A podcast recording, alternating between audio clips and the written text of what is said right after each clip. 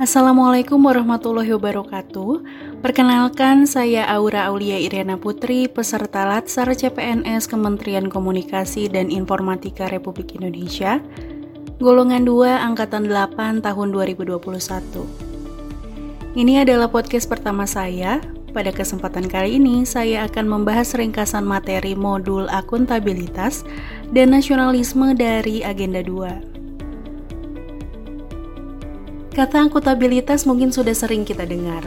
Istilah ini sering kali disamakan dengan kata responsibilitas atau tanggung jawab. Padahal keduanya berbeda. Jika responsibilitas adalah kewajiban untuk bertanggung jawab, sedangkan akuntabilitas adalah kewajiban pertanggungjawaban yang harus dicapai.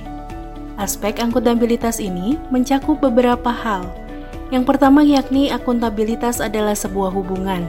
Akuntabilitas berorientasi pada hasil, Akuntabilitas membutuhkan adanya laporan, akuntabilitas memerlukan konsekuensi, serta akuntabilitas memperbaiki kinerja. Menurut Boven 2007, akuntabilitas publik memiliki tiga fungsi utama. Yang pertama yakni menyediakan kontrol demokratis atau peran demokratis. Kedua adalah untuk mencegah korupsi dan penyalahgunaan kekuasaan atau peran konstitusional. Yang ketiga adalah untuk meningkatkan efisiensi dan efektivitas atau sebagai peran belajar. Akuntabilitas memiliki lima tingkatan yang berbeda. Yang pertama yakni akuntabilitas personal, lalu akuntabilitas individu, akuntabilitas kelompok, akuntabilitas organisasi, dan akuntabilitas stakeholder.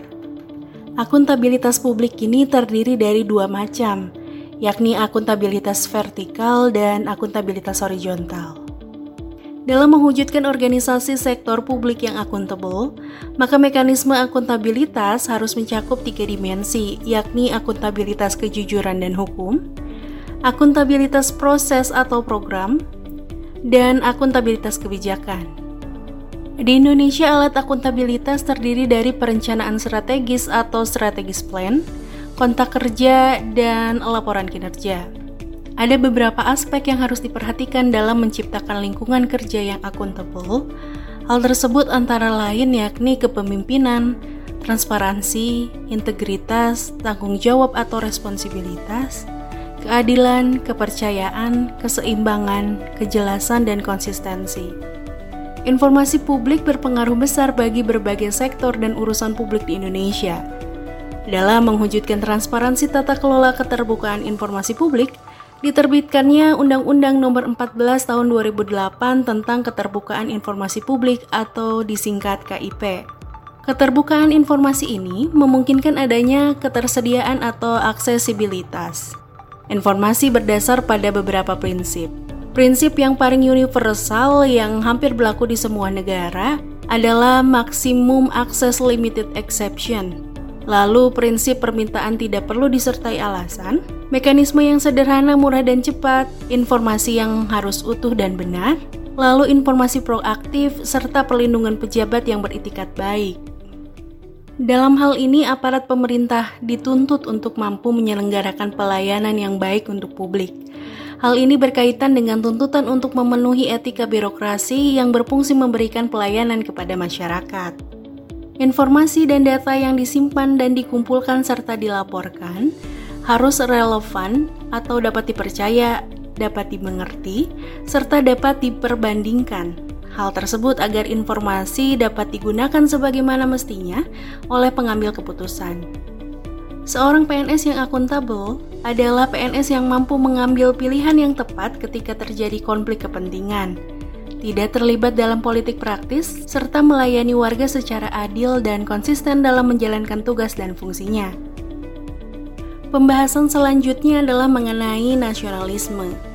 Nasionalisme sangat penting dimiliki oleh setiap ASN, bukan hanya sekedar wawasan namun juga kemampuan untuk mengaktualisasikan nasionalisme tersebut dalam menjalankan fungsi dan tugasnya. Dengan nasionalisme yang kuat, diharapkan setiap pegawai ASN memiliki orientasi berpikir untuk mementingkan kepentingan publik, bangsa, dan negara. Nasionalisme merupakan sebuah sikap politik dari masyarakat suatu bangsa yang mempunyai kesamaan budaya dan wilayah, serta kesamaan cita-cita dan tujuan. Dengan demikian, masyarakat suatu bangsa tersebut dapat merasakan adanya kesetiaan yang mendalam terhadap bangsa itu sendiri. Nasionalisme pada hakikatnya adalah untuk kepentingan dan kesejahteraan bersama. Nasionalisme menentang segala bentuk penindasan terhadap pihak lain, baik itu orang per orang, kelompok-kelompok dalam masyarakat, maupun suatu bangsa. Prinsip-prinsip nasionalisme terdiri dari hasrat untuk mencapai kesatuan, hasrat untuk mencapai kemerdekaan, hasrat untuk mencapai keaslian, serta hasrat untuk mencapai kehormatan bangsa.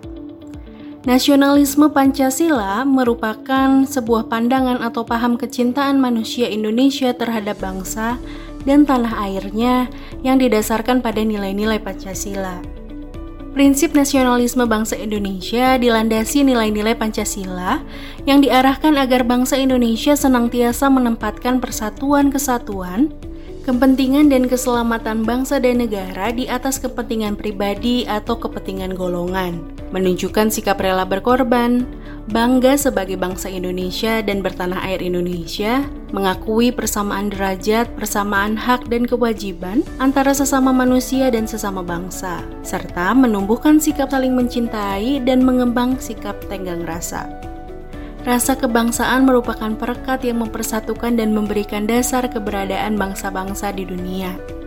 Wawasan kebangsaan merupakan cara pandang bangsa Indonesia berdasarkan Pancasila dan Undang-Undang Dasar 1945 tentang diri dan lingkungannya dalam mengekspresikan diri sebagai bangsa Indonesia di tengah-tengah lingkungan Nusantara.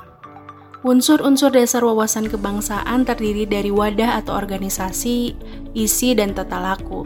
Dari wadah dan isi wawasan kebangsaan tampak ada bidang-bidang, yakni satu kesatuan bangsa, satu kesatuan budaya, satu kesatuan wilayah, satu kesatuan ekonomi, serta satu kesatuan hankam atau pertahanan dan keamanan.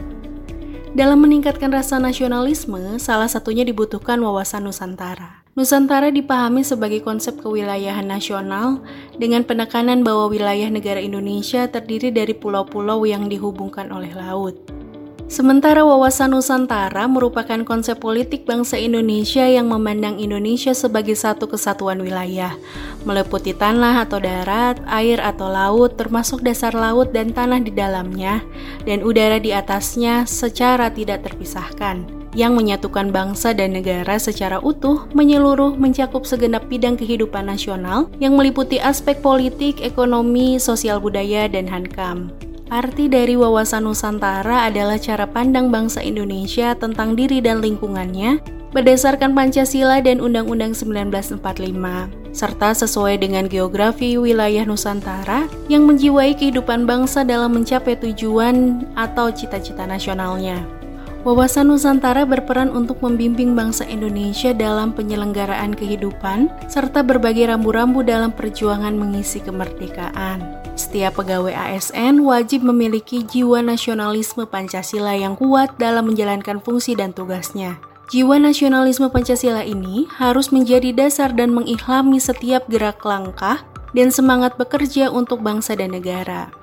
Setiap pegawai negeri sipil sebagai bagian dari ASN harus menaati dan menjalankan nilai-nilai Pancasila dan mengaktualisasikannya dengan semangat nasionalisme yang kuat dalam menjalankan tugasnya sebagai pelaksana kebijakan publik, pelayan publik, dan perekat dan pemersatu bangsa. Sekian untuk podcast kali ini. Saya Aura Aulia Irena Putri. Wassalamualaikum warahmatullahi wabarakatuh.